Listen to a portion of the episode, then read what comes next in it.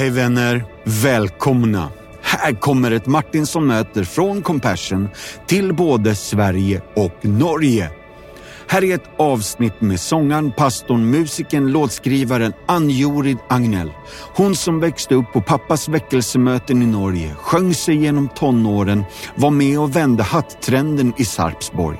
Hon flyttade till Sverige för bibelskoleåren, fann kärleken i basisten Lasse och många CD-skivor och TV med Minns du sången blev det.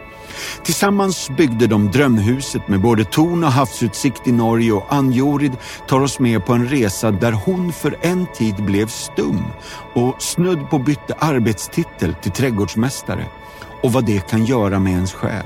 Och hur tonen sakta återkom och så även kallet till församlingstjänst, förnyelsearbete som nu pågår i Smyna kyrkan i Göteborg och flytten som snart sker till Frihamnskyrkan under kommande sommar.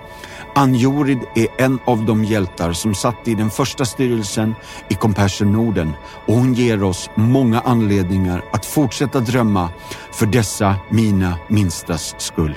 Välkommen till ett underbart avsnitt.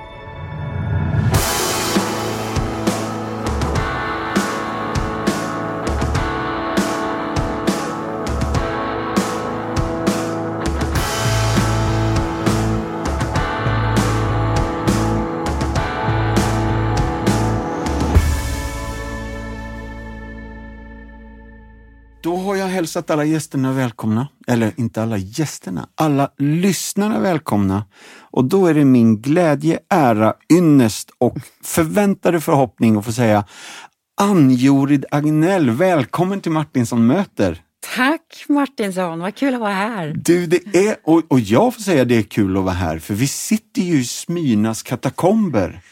Ja, vi sitter i vår eh, repkällare Japp. bland massa packade flyttgrejer. Det är ganska kallt här tycker jag. Ja, för mig är det jättebra, för jag traskade hit så jag är jättenöjd. Ja, men det är bra. För jag Ja. ser du har t-shirt, jag har på mig lite mera. Men Ja. ja. ja. Men du, alltså det här är ju sista, sista refrängen i de här lokalerna. Det är sista refrängen. Eh, in, när eh, vi kommer till slutet av juni, Ja. Då ska vi ha packat ner absolut allt i den här kyrkan som vi har samlat på oss sedan 40-talet. Japp. Och det ska antingen slängas eller det ska ner i flyttkartonger. Och sen ska vi städa ur alla dessa lokaler alltså. Just det. Och så ska det in i en helt nybyggd kyrka. Ja. Det är hur kul som helst. Ja, jag hör det, jag Ja. hör det. Och någonstans så är det att jag vill ju fråga så här. Du, du säger det med ett sånt lugn, men under ytan kan man nästan ana att det finns lite, ja, yeah, det här är ett eh, uppdrag som heter duga. Ja, men det är väl som ankan va? som bara liksom glider Ja. över vattenytan och under vattenytan så är det kaos. Det är klart att det här är kaos. Ja. Självklart är Ja. det kaos. Men, men det finns ju en eh, det finns en sån glädje liksom att äntligen är Ja. vi framme efter många år av planerande. Ja, Eh, för det är en sak att försöka se någonting på papper och visualisera någonting liksom som man önskar. Eh, att, att rita upp någonting som man vill flytta in i som kan liksom vara ett verktyg för en kyrka och vår verksamhet. ja, En annan sak är liksom att när man ser att nu händer det, mm. Eller hur? Eh, det är skillnad på teori och verklighet alltså. Men nu Ja. går vi från dröm till verklighet. verkligen. Bokstavligen. Ja, Mm. jättespännande alltså. Fruktansvärt roligt. Du, det var ju inte det här vi skulle prata om, så jag tänker jag tar mina fem första frågor. Är du beredd lite? Ja, men ja. Ja. ja, kör. Det här är frågor från fem av våra lyssnare. Och den första frågan är från en kille som heter Peter Sjöberg ifrån Falun. Och han undrar, vad gör dig barnsligt förtjust? Så exalterad att både tid och rum försvinner när du bara får ge dig hän i denna sak. Ah. Huh. Ja, ja, det är ju flera saker. Ja, men ta jag någon. älskar att vara med mitt lilla barnbarn. Ja, Att, alltså, jag blir så barnslig så inte ens dottern liksom, eh, trodde att jag kunde vara så barnslig. Och ligga på golvet, du vet krypa runt hela huset. Han är två, han blir två år. Så leka med den lilla ungen och gurgla, bara prata babyspråk och ja, nej. Det här var jättegött. Ja. Åh, vilket, vilket skönt första svar. Eh, fråga två är faktiskt två personer som har frågat samma. Helena Gatås, hon bor väl utanför Alingsås och Frida Park eh, jobbar väl i Stockholm men bor uppe i är det Dalarna? De undrar, vad skulle du säga till ditt eget 18-åriga jag? Oj, vilka, vilken bra fråga. Ja, de är duktiga. Den ena är journalist också. Ja, precis. Jag kanske skulle säga till mitt 18-åriga jag, för jag har varit en väldigt blyg människa och en sån här duktig flicka, du vet. Ja. Jag skulle nog uppmuntrat 18-åriga Anne Jorid att eh, ta mera plats. Våga liksom lita på att eh, jag vågar jag inte vara så otroligt foglig som jag var ett tag. Nej. Ja, men vad fint. Det var väldigt lite fromt alltså. Japp. Men, men eh, någonting sånt, ja. Jättefint. Ja, våga stå upp för dina åsikter och liksom speak out girl. Mm. Go for it girl skulle jag säga till Annie Jorid. Jättebra. Hoppas hon lyssnar här. Eh, tredje frågan är ju Daniel Duvanå från Öckerö som undrar vad innebär det att leva ett gott liv? Det är Alltså vilka frågor Ja, Mattias. De här skulle du gett mig innan. Nej, liksom. det är det som är Det grejen. är det som är grejen. Ett gott liv, Ja. det har så många dimensioner. Mm. Men ett gott liv är ju när man får vara i harmoni. Och man, ja, det måste bli ett flummigt svar. Ja, Men när man får vara harmonisk med sig själv ja, och leva i harmoni med mina, de som är runt mig. Liksom. Min familj och mina kollegor. Men det skulle inte vara en fullständig... Alltså det är inte fullständigt för mig utan att det också är en harmoni med Gud då. mm. För livet har de dimensionerna. ja. Eh, ja. Mm. Och så tror jag, om jag får lägga till någonting, att ett gott liv handlar väldigt mycket alltså om tacksamhet. Mm. Eh, Att, att se vad man har och inte fokusera för mycket på vad man inte har utan vara tacksam. Och det är väl det jag känner tillsammans med mitt lilla barnbarn, du vet. Va? Ja, För, för man jobbar så mycket och, och, och, och det är bara, du ser jag sitter här och rullar med Ja, fingrarna, ja. Det, är bara, det är så mycket som går runt Ja. som en centrifug i livet. Men när man är med ett litet barn, då stannar allt upp. Liksom. just det. Då måste jag, då är det fåglarna som han tittar på och lyssnar Mm. på när vi är ute och promenerar. Och det kan ta tio minuter och gå fem meter. Mm. Och det är liksom någonting i det som är, är viktigt att vara tacksam liksom för att Mm. man hör de här fåglarna Mm. som kvittrar för en. Liksom, att man ser de här blommorna som står där i all sin prakt och blommar för en. Det är någon form av barnslig tacksamhet för, för vad som faktiskt finns. Just det. Det tror jag är viktigt för ett gott liv. Ja. Mm. Åh, jättespännande, man skulle vilja fortsätta här. Men nästa fråga är Mm. från Marie-Louise Nilsson här i Göteborg. Hon jobbar med Alfa Sverige och hon Oh. undrar Marie-Louise. favoritplagg? Eller vad klär du dig helst i? Och sen är det varför?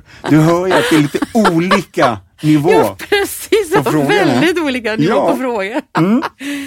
Vad jag helst gillar att klä mig i är, jag gillar att ta på mig en riktigt fin klänning.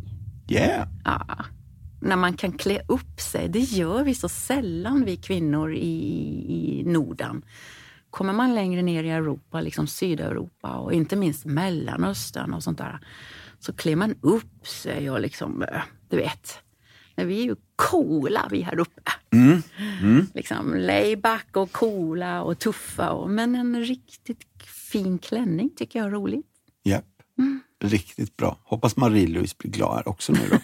Sista utav de här första fem Ja. är Sofia Karling som egentligen, hon bor här i Göteborg men nu råkar jag veta att hon jobbar på Astrid Lindgrens liksom huset och hemmet där Astrid Lindgren växte upp.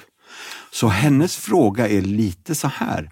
Om du fick leva ett dygn i en berättelse eller en sagobok, vilken skulle det vara? Men vilka frågor! Ja, men det är ju grymma lyssnare Ja, vi det är har. grymma lyssnare. Som, eh, det är helt, helt klart. Mm. Och hon jobbar med Astrid Lindgren, precis. Ja, jag kanske ledde dig där. På Du liksom, ledde mig ja, där. Ja, Jag älskar ju hennes berättelser. Eh, ja, ja, jag skulle gärna sitta och, och, och, och titta i alla fall på Lotta på Bråkmakargatan. japp. Ja, Coolt. den söta lilla flickan som ja, uppkäftig. Ja. Ja. Ah, vad fränt. Du, den 14 juni 1966, vad hände då? En olycka. Nej, Nej, men det, ja, då, då föddes en, eh, ett flickebarn då i en stad som heter Sarpsborg japp, i Norge. japp. Mm. Vad, eh, vad hette mamma? Mamma hette Solveig. Japp. Ja. Och pappa hette han Karl Ferger? Pappa heter Karl Ferger. Du har gjort din research alltså. Ja, lite i alla fall. Och du, Ja. du är först i syskonskaran, Ja, två yngre bröder. ja. Japp. Typisk stora syster, ja. Ja. Och alltså, när jag har hört mig för så finns Mm. det de som säger så här att du är uppflaskad på väckelsemöten i Norge. Ja, jag är det. Det är så? Jag är det. Alltså, jag, jag kallar mig själv lite för en, en broiler. Och Ja. Eh, nej, men min, pappa var, min pappa var predikant och jag var pappas flicka. ja. Och jag hade ju två, mamma, vi var ju tre syskon liksom. Så pappa, jag var med pappa en del när han var ute och predikade. Ja. Eh, så, så från jag var li, liten, alltså två, tre, tre år och fyra år, så gick jag alltid efter pappa när han till exempel, han bad med väldigt mycket människor, pappa. Ja. Eh, och jag var alltid med pappa och, var, och la händerna på folk. liksom. Så det var pappas Åh. stora händer på, på, på de som ville ha förbön och så var det mina pyttesmå knubbiga barnhänder, du vet. Va? Så jag, är verkligen, jag har verkligen växt upp med det där. Ah. Så när mamma och jag, mamma, min mamma är inte alls lika liksom, hon, hon, hon är en tuffing min mamma. Eh, så hon, när vi skulle åka buss till stan hon och jag, och jag fick köpa biljetter, du vet, så säger jag så här. Du, vi är två kristna som ska till byn, så kan vi få biljetter av dig. Säger jag till busschauffören och mamma blir så, du vet, så så Men bra. jo, men jag har väl varit en riktig... em, jag har växt upp med detta. Mm. Fast det har mina bröder också och vi har väl tagit detta på väldigt olika sätt. Ja. Åh, vad spännande. Alltså, eh, om jag säger ett namn nu då, får vi se vad du säger. Mm. Björn Haugen. Asbjörn Haugen. Hette han Asbjörn alltså? Asbjörn Haugen, jag tänker att det är... Jag tror att du sjöng med han. Ja, han var... Han... ehm, jag sjöng ju i, både i, i eh, barnkören tonårskören och den här gammelkören, höll jag på att säga, strängmusiken samtidigt. Fast jag bara var tio, Ja. tio år. Ja. En utdöende sort, det hör du Mattias. Va? Mm. Och då är det en av, de, en av musikerna i kyrkan som jag växte upp i som liksom ser mig. Ja. Och det här är väldigt fint. Mm. Som ser liksom och identifierar, här har vi en som sjunger Mm. och som jag kanske kan hjälpa. Så han, han tog tag i mig och eh, vi sjöng mycket tillsammans och han liksom använde mig och eh, ja, ledde mig in i, i musiken Ja. och in i en tjänst skulle jag vilja säga. Ja. Väldigt så här föredömligt. Mm. Väldigt naturligt och väldigt varmt och vägledande och generöst. Väldigt generöst. Mm. Sånt som man vill se andra. Så jag tänker när jag ser de jag jobbar med, Ja. liksom att man, man ska inte behöva bli vare sig 16, 17 eller 18 eller 20 år innan man liksom får ett förtroende. Mm.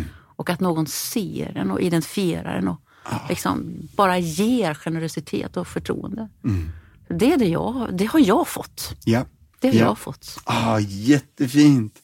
Jag har någon notis om något som heter Greåkers VGS. Vet du vad det är? Greåker videregående skola. Ja. Ska vi ha hela mitt liv här? Ja, ja, här ja. är ditt liv. Eh, men, men eh, heter... Ja, Säg det igen. Greåker videregående skole. Jeg er jo norsk, det er jo det som er greia her, ikke sant? Men du skjønner norsk. Jajamän. Och om du, om du trycker på för många knappar så blir jag bara norsk, jag bara säger det. Ja, Ja. det här är jättekul. Men, Det var men, gymnasiet, alltså musikgymnasium, Ja, mm, som jag gick. För Ja. jag spelade väldigt mycket piano, ja, klassiskt piano. ja. Och utan att trycka på någon knapp för hårt här nu Ja. då, så, så var det ändå lite konservativt i Sarpsborg. För jag har hört om någonting som hade med hattar att göra. Där någon i ditt liv sa ifrån att min Ja. dotter ska inte... bli- Ja, nu avslöjar jag vem det var, men... Ja. Ja, men dra det här. Ska här jag var, dra den Ja, men storyn? det var lite kul, säger folk. Ja. Ja. ja, det tyckte ju inte min mamma då att det var så himla kul. Men Nej. så här var det. Och det är många år sedan Mattias. Det är bra. Mm. Ja, det är många år sedan. Det är inte så nu. Jag får börja med detta då. Men det var, det var konservativt på den tiden när jag växte upp i början av 70-talet. Och när jag eh, döpte mig då så var det så att då skulle tjejerna ha en hatt eller någonting på huvudet. Nu tror inte du att detta är sant. Nej, men det här är Du så tror inte bra. detta är sant. Så alla som skulle vara med och sjunga liksom på estraden skulle ha någonting på huvudet om man var döpt. Ja. Och min mamma, hon, hon förbjöd mig att ha detta. Hon, det var det dummaste hon hade hört i hela sitt liv. Och samtidigt var det min morfar som satt bland äldstebröderna och var Ja. ledande liksom, ja, styrelseordförande kan man säga. Ja. Så hon var honom hon var galen på, men det Ja. var jag som inte fick ha på mig någonting på huvudet. Mm. Och då bara kom, så då, då går hon till min morfar och säger att det här är det dummaste Mm. du har gjort i hela ditt liv. Ditt eget barnbarn ska inte ha någonting på huvudet. Så här får du ändra på. ja. Sen blev det ändring. Och sen blev det ju det. Ja, jag alltså. fick inte ha någonting Nej, på huvudet det av min mamma. Bra. Hon var sund tycker jag. Ja. Från det här tror jag någonstans att s- 80-talet så blir det Sverige, Bromma, bibellinjen. Det, din, pappa har, din pappa är evangelist va? och han har en kompis som också är evangelist som heter Josef Östby och han säger Anjorid borde gå på mm, bibellinjen i Bromma. Något sånt där va? Mm. Jo då. Jo då, det, det, det var en, eh, en vän av mamma och pappa, Josef Ösby. Han har jobbat i Sverige, Ja. eller jobbade i Sverige många år. Jajamän. Inte minst med att sprida biblar då Ja, till östeuropeiska länder. verkligen. Eh, han, han sa att han gjorde, du måste komma till Stockholm. Mm. Eh, och eh, det gjorde jag. Ja, Började gå på en bibelskola. Det som var då, av pastorsutbildning helt enkelt. ja, Det fanns på Brommaskolan. Eh, så då blev jag svensk. Det är ju så. Det är ju fara, det är fara för detta när barnen liksom ska ut och gå i skola och sånt där ja. och flyttar. Att man vet ju inte om de kommer tillbaka igen. Nej. Men då blev jag svensk. Men alltså under uppväxten med Hette han Asbjörn Haugen, Asbjörn och, var du ute och sjöng på pappas kampanjer och sånt också? Nej, min pappa, min pappa liksom eh, blev affärsman. Aha. Eh, så han, han slutade som evangelist Ja. och liksom etablerade sig. Du vet. Ja. Ja. Ja. Så det var jag inte. Nej. Men jag var mycket runt i Norge och sjöng. Ja. Ja. Eh, några år med Asbjörn Haugen men sen liksom med andra musiker då. Ja. Jo, jag har varit nästan överallt i Norge. Ja. ja. Men eh, den här Sverige-eran, alltså den inleder ju någonting med, med jättemycket, alltså du blir eh, Philadelphia kyrkan Stockholm, där blir du ungdomspastor i några år. Ja, evangelist kallades det då. Så då. var det, ja. Så länge är det. Just det. Ja, men det är samma sak kan man Ja. säga. Ja. Och sen är det någonting som heter Bibeln till alla i några år också. ja, Och det var väl också ihop med Det Josef var Östby Josef där Östby då. Ja, Ja. Så Bibeln till alla var den första organisationen alltså som fick ta in 13 miljoner biblar till, till, eh, till eh, Ryssland eller Sovjetunionen. Ja. Efter att man hade du vet, skickat in små bibeldelar, Ja. ett testamente här, ett testamente där, du vet, under Ja. många år. Så fick vi plötsligt eh, tillstånd. Mm. Och Putin var den som faktiskt gav tillstånd till detta i Leningrad. Och Gorbatjov ju den som, som eh, var då. Tillät alltihopa. Ja, som tillät visst. alltihopa. Ja, Ja. Det är en story i sig. Ja men verkligen, Mm. en riktigt spännande story. Det här får ungdomarna googla, de har inte en susning. Nej. Men eh, det här är bra och det här är ju viktig liksom, eh, modern kyrkohistoria. Eh, och sen vet inte jag riktigt, det händer mycket här men framförallt så blir det åtminstone tre CD-skivor med Hasse Hallström, eh, Rickard Niklasson eh, och du. Eh, alltså den Ja. första, nu har jag inga titlar på allt det här, men Nej. 91, 94 och 2000 så blev det flera plattor där. ju. Ja. Och sen får vi nog väva in det här med Minns du sången? Men då säger någon, hon vill inte vara med. Stämmer det? Va? Någon som bara liksom, ja vi, vi, vi liksom, vi pitchade det här med Minns du sången men Ann gjorde bara, nej jag vill nog inte vara med. Känner du igen det? Nej men alltså vi gjorde väl tre säsonger av Minns du sången? Ja. Eh, jag var med på de två första. Aha. Ja. Eh, sen tackade jag nej till den tredje, ja det stämmer. Aha.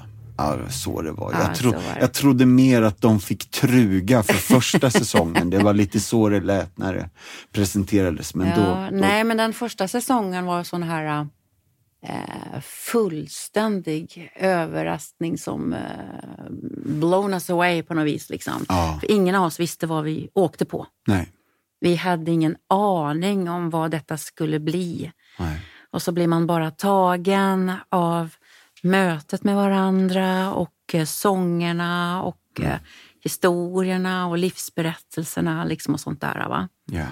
Så, så, ja. så jag tänker, eh, för mig var första säsongen den eh, absolut bästa. För nästa säsong var man lite mer riggad, du vet. Just det. Då vill man ha in lite sina låtar och kan vi ha med detta och då liksom, Ja. ja. Ah, Men det var, det var fantastiskt. Ja, men jag har hoppat över några år här för att du är ju piano och sångpedagog. Mm. Utbildad på Kungliga Musikhögskolan i Stockholm. På, på, ja, på, på eh, Stockholms musikpedagogiska institut Där var det. eh, gick jag. Ja, Eh, till sångpedagog, ja. Och sen så gick jag till, eh, tog jag piano också som Ja. huvudinstrument. ja. Och sen var du pianopedagog i Immanuelskyrkan. Ja, Ja, jag fick, jag fick ett eh, ganska lyxigt uppdrag liksom medan jag gick i skolan ja, av hon som var min konstnärliga ledare då. Eh, som jobbade både då också på Kungliga eh, Musikhögskolan och på, S, Ah. eh, på Pedagogiska institutet som jag gick. ja, Och vi fick uppdrag från, eh, från Immanuelskyrkan som hade en, och har, en väldigt stor musikskola. De hade hundra stråkar i sin musikskola oj, och ville att, eh, att jag skulle vara med och starta upp ett klaverinstitut. Mm. Eh, som då skulle vara någon form också av träningsskola för de som gick just på Musikhögskolan och på SMI. Då. just det. tillsammans med den här konstnärliga ledaren som har skrivit rätt mycket pianolitteratur. Mm. Så det var väldigt, väldigt roligt. Otroligt roligt. Ja. För då var det barn till många, det var en hel del kändisbarn, liksom, både skådisar och musikerbarn då, eh, som kom. Då kommer de med sina barn till mig och vill liksom, lär dem att spela piano. De ska mm. ha lite kultur. Mm. Och det som var riktigt kul, det var ju när man gjorde då Eh, vad heter det, alltså konserter med de här barnen, du vet terminsavslutningar. Mm. För då hade man så många föräldrar att tillgå. Mm. Så jag hade ju radiopratare som konferencierer. Jag hade konsertpianister som satt och ackompanjerade mina små elever. Ja. Och stråkare ur filharmonin som la en annan stämma och alltså skådisar som läste emellan och vi lånade kostymer ifrån teatern. Men det, var en, ja, det var fruktansvärt kul. Ja, det förstår jag. Ja. Hjälp, vad häftigt. Alltså nu blir jag väldigt nostalgisk Mattias. Alltså, jo, du det tar fram, jättebra. Det här har inte jag tänkt på hur länge som helst. Nej men vad gött. Det finns ju inte i mitt huvud annars. Nej, men välkommen till Martin som möter. Vilken här uh, walk by the memory line. ja, det är bra.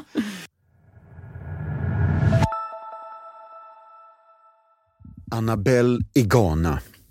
Livet före Compassion var väldigt svårt för mig, säger Elisabeth som är mamma till Annabelle och hennes lillebror. Liksom många kvinnor i Ghana så är hon en ensamstående mamma som kämpade för att klara sig med väldigt lite eller inget stöd. Men livet förändrades för henne och framför allt för Annabelle för åtta år sedan. När jag hörde talas om Compassion i kyrkan så gick vi för att bli registrerade omedelbart, berättar hon. Annabelle har nu varit med i Compassion-programmet de senaste åtta åren och livet har gjort förändringar och det har blivit bättre sedan dess. Annabells fadder heter Kristen och hon är en givmild människa. Men det är inte bara hennes ekonomiska stöd som har gjort skillnaden. Hon håller kontakten och hennes böner och hennes uppmuntrande brev har varit avgörande för att bygga upp den nu 15-årige Annabelles självförtroende. Annabelle ser alltid fram emot att läsa Kristins brev och älskar att skriva svar. Jag tycker om att läsa breven hon skickar och det är roligt att höra om saker som händer i hennes familj. Hennes sons pjäser och teater, det är alltid roligt att läsa om. Och jag berättar för henne om mina favoritminnesversar och jag ber henne att be för mig och min familj. Jag påminner henne också att jag ber för henne. Richard, som är chef på centret, han är positiv och ser att breven som barnen får gör stor inverkan i deras liv. Faddrarnas uppmärksamhet på detaljer och genuina intresse för barnens liv får barnen att känna sig uppmärksammade och sedda. Och det är inte bara Annabelle som ingår i själva vänskapen. Mamma Elisabeth blev positivt överraskad när Kristen kom ihåg hennes födelsedag och skickade ett gulligt födelsedagsmeddelande till henne i ett brev av breven som sändes till dottern Annabelle. Gåvorna har hjälpt Elisabeth att renovera huset och också starta sin inkomstgivande företag helt själv. Vi vill alla hjälpa till och vi vill alla göra världen bättre. Varför inte göra det nu? Vi kan hjälpa dig så att du kan få vara med och förvandla liv på riktigt. Vi i Compassion är en kristen fadderbarnsorganisation. Vi har funnits i snart 70 år och vi hjälper över 2,2 miljoner barn i över 25 länder. Vårt uppdrag, alltså varför vi gör det vi gör, det hittar du i Bibeln, i Markus evangeliet 16 och 15. Gå ut i hela världen och predika evangelium för hela skapelsen. Så, som svar på denna Guds kärleksförklaring till varje människa existerar alltså vi som en förespråkare för barn i nöd, för att frigöra dem från andlig, ekonomisk, social och fysisk fattigdom. Och vi vill vädja till dig. Tillsammans med oss kan du förvandla liv. Gå in och skriv upp dig direkt på www.compassion.se.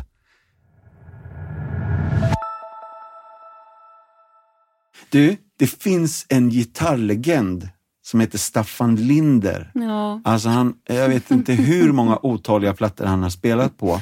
Ja. Eh, kan det hänt att du har diskuterat klassisk musik med honom Ja. och det är någonting som är sagt att det finns skillnad på hantverkare och konstnärer? Jag har till och med det har du letat upp. Nej men alltså så här var det när jag gick till pianopedagog. Du vet man satt ju och övade timme ut och timme in och så kom jag och spelade jag då nutida musik för, för en av våra, egentligen Europas stora eh, konserterande musiker, Mats Persson. Och ehm, jag skulle spela Olivier Messiaen. Eh, och han, han är en sån här, vad heter det, ortolog. Han, transkrib, han transkriberade alltså fågelkvitter och fågelläten till piano. Och det är alltså, ja, ja. Så, så he, en notbild är helt svart. Liksom. Du har, jag har, man har inte nog fingrar Nej. för alla dessa tangenter som ska tryckas ned och så är det väldigt, väldigt modernt. Bang! Garaba! Alltså, Ja. helt omöjligt och Ja. det är så svårt så det är ospelbart. Detta sitter jag och repar på och spelar och sliter med när Staffan Linder då, denna gitarrist som du pratar om, ringer till Lasse och så hör han det på telefon. säger, Men vad sjutton, vad är det här? Spelar lilla dottern piano hemma, säger han. Och det tycker ju Lasse är väldigt roligt. För att det då, då kan han reta mig och Lasse kommer och säger det till mig. Och så Ja. säger jag, nu ringer du upp Staffan, säger jag. Ring upp Staffan. Och så tar jag telefonen. Hörru Staffan. Du vet att några är hantverkare. Men andra av oss är faktiskt konstnärer. Så jag så bara smäller jag på telefonen. det här är så bra! Åh, tack snälla för att du delar, brukar jag säga ibland. Alltså. Ja. Ja, vad gött.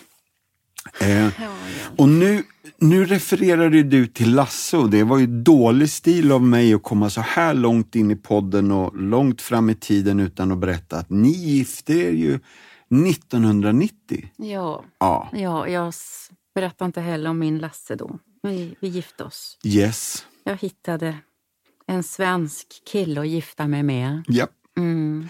Och som en följd till det så är det ju Cornelia som är född 1995. 95. Ja. Ah.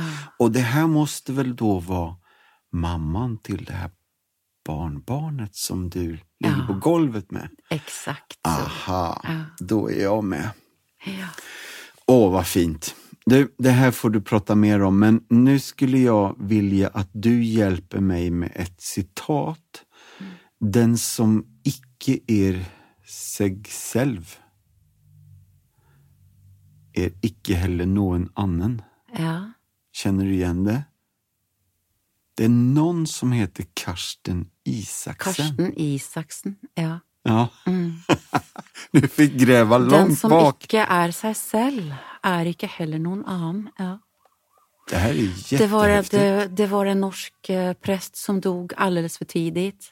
Ah. En väldigt, väldigt folkkär präst. Liksom. Inte bara inom kyrkan utan han hade så otroligt mycket livsvisdom den mannen och som han kunde trycka ur sig liksom, en massa humor och Mm. bra citat. Och det här är ett av hans väldigt, väldigt många guldkorn. Ja, Eh, otroligt bra. Ja, visst är det. Ja, För vem är man annars? ja. Vem är man annars Mm. om man inte är sig själv? Ah, jättemäktigt. Du, jag hittade någonstans i dina i informationen om dig faktiskt. Jag, tror, jag tror du har skrivit den på något socialt medium. Nej, Jo, jag, jag skulle önska jag skulle önska att jag hade formulerat det. ja. Mm. ja men eh, man får, när det är så här bra så får man sno det. Eller hur? Ja. ja. Jo, man Du- snor rätt så mycket när man... Ja, men alltså den som inte gör det, det är väl, ja, nej men det är bra. Nu tror jag att jag skulle vilja prata om ett drömhus med ett torn och jag tror till och med det är utsikt över havet. Ja, För det här byggdes någonstans här va? Ja, just, alltså, vi bodde ju många år i Stockholm, Lasse och jag och Cornelia. Sen så bestämde vi oss för att flytta till Norge. Eh, tillbaka till min hemstad. Sarpsborg, Sarpsborg. som är lite mindre konservativt nu. Ja, Ja. ja, för allt i världen. Och eh, jo, vi byggde vårt drömhus. Jag fick vara med och rita det huset. Och eh, Lasse byggde huset, alltså det man får bygga. Det finns ju lagar på sånt där. Ja. Och det låg väldigt, väldigt vackert med skogen bakom och sluttande ner mot en vik av Mm. havet. Då. Så det var, ja. Jo, men det är mitt drömhus om vi Ja. ska prata Ja. såna hardcore materialistiska Nej, saker. men det är väl ja. jättemysigt. Vilken, vilken grej att få utsikt över havet. Ja, det var det. Stå i köket och baka, göra mat, du vet. Och så bara är det blått i blått i blått. Ja. Men du bor väl vid havet själv, så du Ja, fattar vad det handlar det. om. Jag tänkte börja referera till min fru, men jag tänkte det är inte hennes podd här. Så. ja, men, eh, och där var det ju alltså 10-11 år. Ja, det var jag. För jag flyttade, vi flyttade till Norge och skulle börja jobba i min hemförsamling då. Ja, Kyrkan som jag kommer ifrån. Där, Mm. Som pastor. ja, Och så är det, det är ju någonting när man får barn också att, att man, man vill liksom ge barnen, föra barnen närmare mormor och morfar och ja. familjen och sånt där. Ge dem en större familjär kontext. ja. Så eh, ja, vi var där i, i, i 10-11 år tills jag började pendla hit till Göteborg. Yes. Mm. Mm. Och det här känner vi till. Och, och, och några av de här referenserna, när man kommer så här långt, så börjar folk säga att jo men jag minns och jo men ibland predikar hon och pratar men ibland predikar hon och sjöng. Ja. Händer det fortfarande? Jo, men det kan väl hända. Ja, det händer nog fortfarande. Ja. När, när, eh, alltså för det är någonting med sången och musiken som eh, det talade saknar, eller som det, det kompletterar liksom. Ja. Eh, och, och musiken är mitt hjärtspråk, så Ja. är det. Mm. Så ibland hittar jag inte orden utan musik. Det kan liksom bara... Det, det är ju hjärtljud detta Mattias. Mm, bra. Mm, när man går från det talade och bara in i det sångliga liksom. Mm. Eh, så är det... Jo, jag, jag gör det. Mm. Inte kanske så mycket nu, Nej. men jag har gjort det rätt mycket. Ja. När jag känner att nu behöver jag ett starkare uttryck här. Ja. För nu räcker inte mina ord till. Då går jag in i sång. Åh, det här är jättespännande tycker jag. För några har till och med berättat att när du, när du får riktig feeling så bryter du och liksom växlar över till norska. Liksom. eh, du kan ha stått och predikat på svenska i 20-25 minuter och helt Ja. plötsligt så blir det bara Predikar kling- så länge. Nej, men klingande norska. Eh, och sen liksom, ja men, ja, stämmer det? Jo, men det gör det. Ja, det De brukar det. säga här i Smyrna att eh, när han gjorde riktigt inspirerad, då är det norska. Ja. Men du vet, det är ju så här också att eh, göteborgarna vill väldigt mycket hellre att jag pratar norska än att jag pratar svenska med Stockholmsdialekt.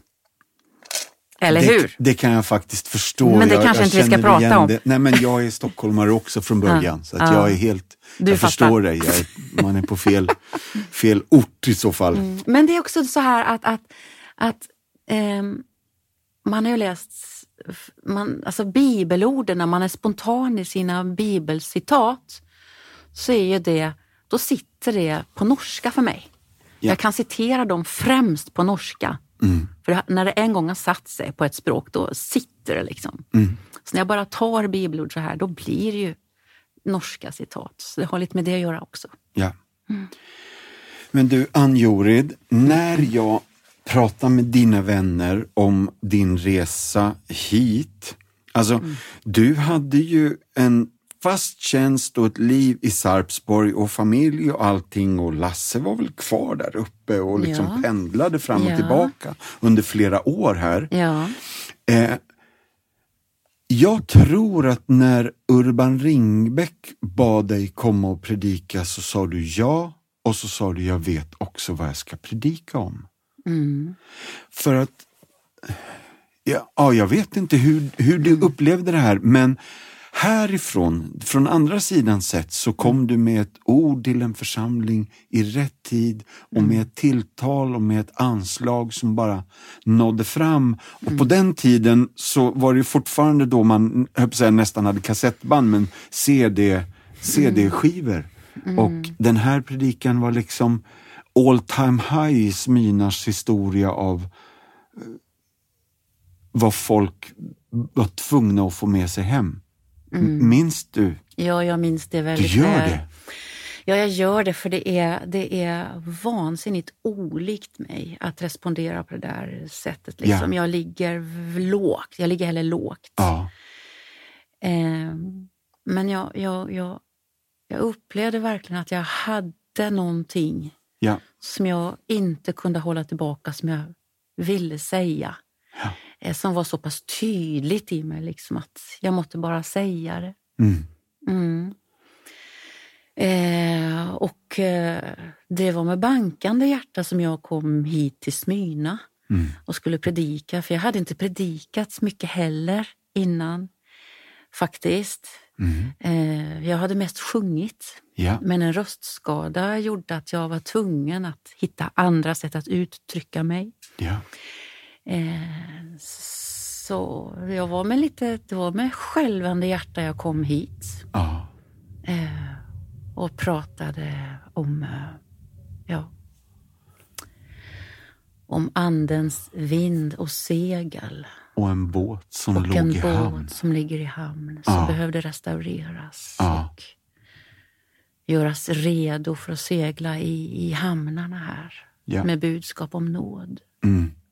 Ja, jag ska inte försöka återge just, men Men det är Mm. många av dina pastorskollegor som refererar till det här som ett sånt, inte bara ett memorable moment, Mm. utan ett avgörande ögonblick. Och liksom, sen kan man ju, utifrån så kan ju jag se att, att det här är ju det ni har gjort och det ni Mm. röstar för. Ja, Nu? så är det Mattias. Så Ja. är det. Och det var, det var en respons också där, där hela församlingen går ur, i princip hela församlingen går ur bänkraderna, liksom ut i gångarna Ja. och bara ställer sig tillsammans och ber. Eh, Så det, det var väldigt starkt. Och det, det är ju detta vi har sett över tid då, när man tittar tillbaka. Det har varit en långsam process. Men en tydlig process. För det är precis det vi vill göra och det är så vi omtalar vår kyrka också. Att vi är först och främst en räddningsbåt i Frihamnen och i den här stan. Ja. Det är det vi vill vara. Ja. Inte ett, en lyxkryssare eh, utan en räddningsbåt som hjälper människor till hamn. Människor i nöd.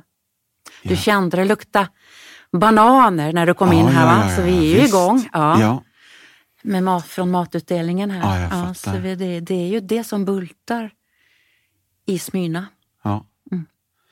Och det här har ju varit ett fokus som har kommit mer och mer genom åren så att Så det här är är otroligt spännande. Mm, så är Ja, det. mäktigt att du säger det, för jag tänkte precis, det är lite av, ni, ni får fungera som en Noas ark. Mm. Och just då sa du bananer, så att det är bra.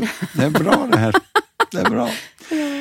Men du, Lars flyttade hit 2015, Cornelia tog studenten 2014 och sen har ni som familj har fortsatt här. Och jag höll, på, jag höll på att säga någonting om att ni har planterat er här och det blev en jättebra övergång till nästa grej. För när, när man hör om dig så är det trädgården. Det är hands-on, det är gräva i rabatterna, det är växthus och det är odlingar. Ja. Ja, ja, det är det. ja, Eh, och eh, det, det, det hör väldigt mycket ihop med lite min eh, livshistoria. liksom.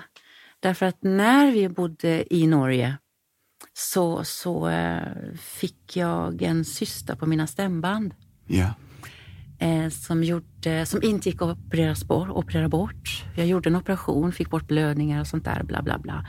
Men jag fick inte bort eh, cystan.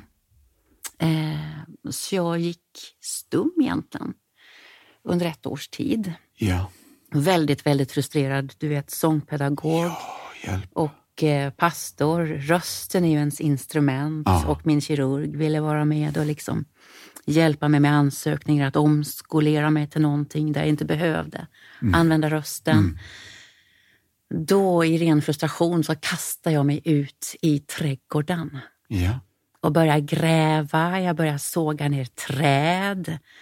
Jag, jag, alltså jag gick alltid runt med en röjsåg liksom och bara sågade ner ena trädet efter andra rev upp rötter och planterade rabatter.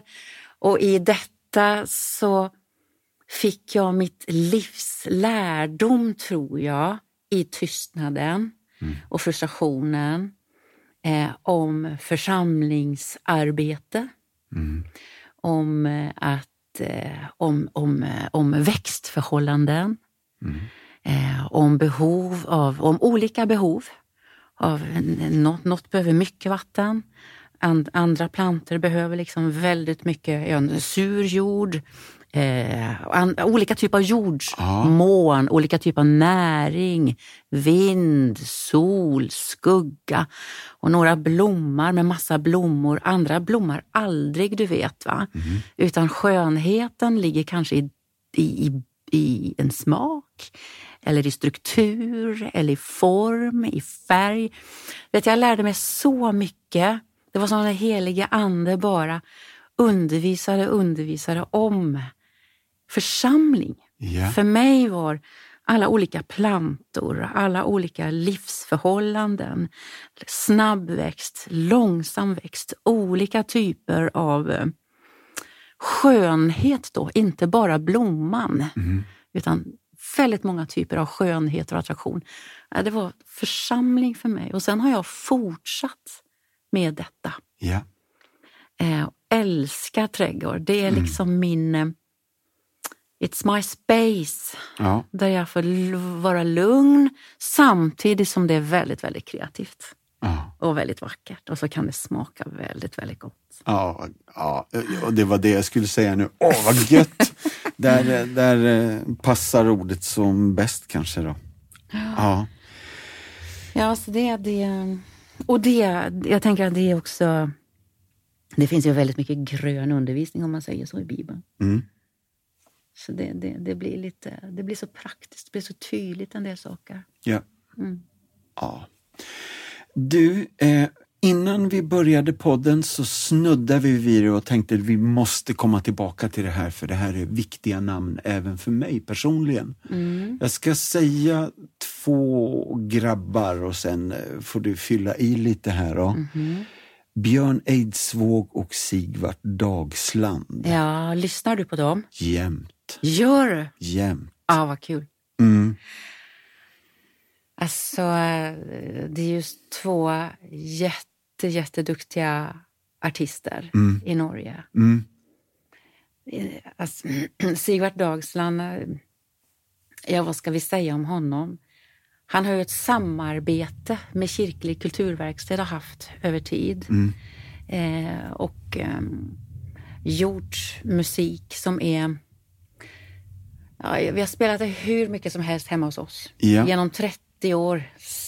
Samma plattor liksom. Och Ja. det är någon form av kombination av, av melodier och texter. Och mellan vad som är lite rått i uttrycket och vad som är väldigt melodiskt liksom, i uttrycken. En krock av detta Ja, jättebra som, beskrivet. som, som är så attraktiv. Och Sigvard Dagsson säger själv, eller han sjunger själv, att för att någonting ska vara vackert måste någonting annat vara fult. Liksom. Eh, Och så är det väl lite i hans musik och kanske också i Björn Eidsvågs musik och texter. Då.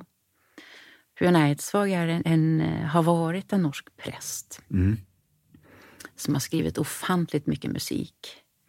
Eh, Och du, ni har översatt flera av de här, dera, Ja. deras låtar va? Ja, vi har översatt några av uh, Sigvards låtar och några av Björn Eidsvågs låtar också. Ah. Ja, det har vi gjort och tagit med till Sverige. Ja. Eh, jo, det har vi. Mm. Ja, vad ska vi säga mer om dem? Det är väldigt svårt att beskriva musik Mm. utan ljudexempel. Just det. Eh, det är ju det. Men Sigvard Dagsland har ju en, en, en röst eh, som är som en synt. Han, mm. han kan använda den precis hur han vill. Yeah. Men den har en känslighet då. Ja. Han kan uttrycka känslighet i sin ja. röst. Sen är det som vi sa lite innan på den här att det norska tonspråket eller den norska musiken. Det finns någonting i en del norska artister eh, som handlar om eh, instrumentering och luftighet och tonspråk som är annorlunda, tycker jag, mm. än, än eh, i Sverige då. Ja. Eh, men Norge... Alltså jag brukar säga så här om svensk musik. Svensk musik är väldigt mycket en riktigt, riktigt bra Volvo. Mm. Mm. Alltså det allt, levererar alltid bra, va? Mm. alltid högpresterande. Eh, och det är jämnt, liksom. det är jämn kvalitet, jämnt högpresterande. Norsk musik är antingen liksom en folkvagn eller en Ferrari. Mm. Mm. Vi har inte så mm. mycket däremellan. Mm. För när det är bra, det är så här asbra. Mm. Eh, och Sigvard Dagsson är väl så här asbra skulle jag säga. Ja, fantastiskt. Ah, vad spännande. Bra, bra, bra målat och bra beskrivet. Och jag håller med dig, jag höll på att säga amen. Men det är inte slut. Eh, utan jag måste, måste få fråga lite. För att jag kom ju i kontakt med Compassion som, eh, säga, nej tonåring var jag inte, men tidigt så fick jag höra om amerikanska artister som presenterar ett ett arbete som vill hjälpa barn i, i, i det vi då kallade för tredje världen. Um, och det här har vuxit och vuxit och eh, 2013 eh, kom det här till Norden och mm. då hamnar du i Compassions styrelse. Ja, kan du förstå? Ja, men det här är jättegött. Alltså jag är ingen egentligen så här runda bordet-människa. Ja. Men, eh, men ja, det var ju då precis, jag fick vara med i Compassions linda Verkligen. när det kom till Norden. Eh, och eh, Nej men Compassion är ju ett fantastiskt arbete Mattias och det som någonstans liksom gick rakt genom mina murar eller, eller mig då, genom skinnet på mig, det var den här formuleringen, ska vi se hur, hur var den, alltså befria barn från fattigdom i Jesu namn, typ sådär var det va? Mm. Det är hur bra som helst. Mm. Och så finns det det här också att det är från att det sker genom den lokala kyrkan. Ja. Det är så... Eh, jag tycker det är en väldigt, väldigt bra modell. Att det går genom den lokala kyrkan liksom. Ja. Eh, och eh, fadder, fadderskapet är... Det, det, det, det blir ganska personligt genom mm. Compassion. Just det. Ja. Nu kan man säkert välja då. Det är ett tag sedan jag har varit i kontakt med Compassion så, mm. men, och man kan säkert välja eh, typ av närhet. Men det finns någonting väldigt, väldigt personlig, eh, ah, eh, ja, något personligt i detta. Absolut. Och det här är ju lite häftigt för att utan att, att nämna andra organisationer så är det ju många som tidigare hade det här personliga mm. men av olika skäl så har man kanske frångått det. Mm. Men, men du lyfter det som en, liksom, en, en unikhet i, i Compassions arbete. Mm. För det är kanske det jag diggar så mycket mm. med det här arbetet. Mm. För jag växte upp som barn och då gav man pengarna till en pott i Stockholm. Eh, och så ja. visste jag inte riktigt Nej. vart går det här. Utan det som är det unika med Compassion är att man kan veta vart det går om, om man vill. Ja, precis. Ja. Och det är personligt engagemang eh, som bär i längden, tror jag. Ja. Eh, det är stor skillnad faktiskt. Ja. Man har ett ansikte, man kan skriva, mm. man, man får lite information. liksom. Jo, men det personliga är överlag undervärderat måste jag säga. Ja, mm. jag är helt med dig. För det, är, det handlar om människor, det handlar om känslor, det handlar om empati. Liksom. Det är mm. någonting som måste gå igång i hjärtat och då måste det vara personligt. Ja. Och det, där träffar compassion eh, stenhårt tycker jag. Ja. Mm. Ja, vad kul att du säger det för att det, det här kanske var en av anledningarna till att jag, att jag blev så intresserad och tackade ja till att jobba med det. Ja. För att, att det är just det här personliga anslaget. Mm. För att det blir en riktig människa. Ja. Eh, eh, det blir, eller nej jag ska säga, det blir inte en riktig människa, det blir ett riktigt mänskligt möte. Mm. Jag, vi har ju några fadderbarn och, och, och något av dem är Etiopien och det har varit inbördeskrig där. Mm. Under åren så har jag bett och jag har tänkt och jag har rörts av den situationen och den krisen men inte i närheten som mina känslor för Ukraina under samma, samma period där, där mina känslor har varit väldigt engagerade.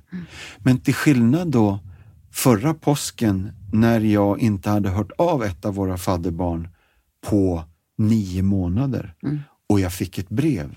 Och jag trodde att jag är en ganska känslokall människa som ger mina pengar och ber mina böner.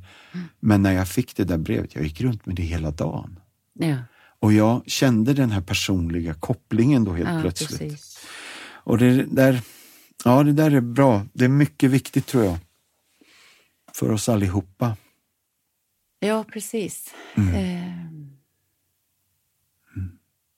så väldigt... Jag, nu handlar, jag, började, jag tycker det är väldigt, väldigt roligt att du är med och gör det här, Ma- Mattias. Mm. Eh, för jag såg ju det, det vi gjorde i, i, i Norge, eller det var ju en svensk-norsk styrelse, men det var ju också att gå till eh, många artister. Det är ju så. Ja. Compassion, det är, det är något av strategin, Mm. en lyck, den lyckade strategin bakom detta. Ja. Liksom, vi tog x antal artister till eh, de här ställena där Compassion hade ett arbete. Ja. Så man fick ner och bekanta sig med detta själv. Ja. Eh, och det är också det här personliga mötet. Och så vara liksom en, en, en, en talesman, eller liksom tog, man med, tog artisterna med sig detta in i sina konserter, i det man gjorde. Liksom. Och då var det förmedling av någonting självupplevt. En levande berättelse. Inte någonting man läst om Nej. eller någonting man sett på film eller hört om som man tycker är bra utan det var verkligen någonting, det blir någonting som kommer ur hjärtat. Ja. Eh, och det blir det ju då helt ner på faddernivån då i detta. Mm. Ja, jag är helt Mm. med. Jag, jag var ju i Norge bara för några tisdagar sedan med Michael W. Smith. Ja. Och hans, Mm. Lucky you. Ja, men verkligen. Yes.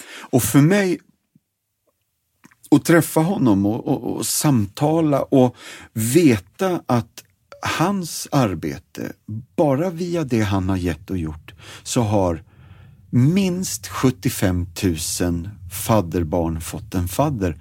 Alltså för mig är det helt Mm. Mindblowing svindlar. Ja, siffra. det svindlar. Ja, Ja. det är jättemäktigt. Och sen Moder liksom, Teresa. ja, ja, men det är så. Ja, det det är så. så. så det, Ja, Och han fanns ju med när vi startade i Norge också. ja, Michael W. Smith. Och just han, eh, han gick där, måste jag säga, väldigt anonymt men väldigt varmt och så, så, så otroligt äkta och naturligt. Alltså. Ja, Vilken människa tänkte jag ja.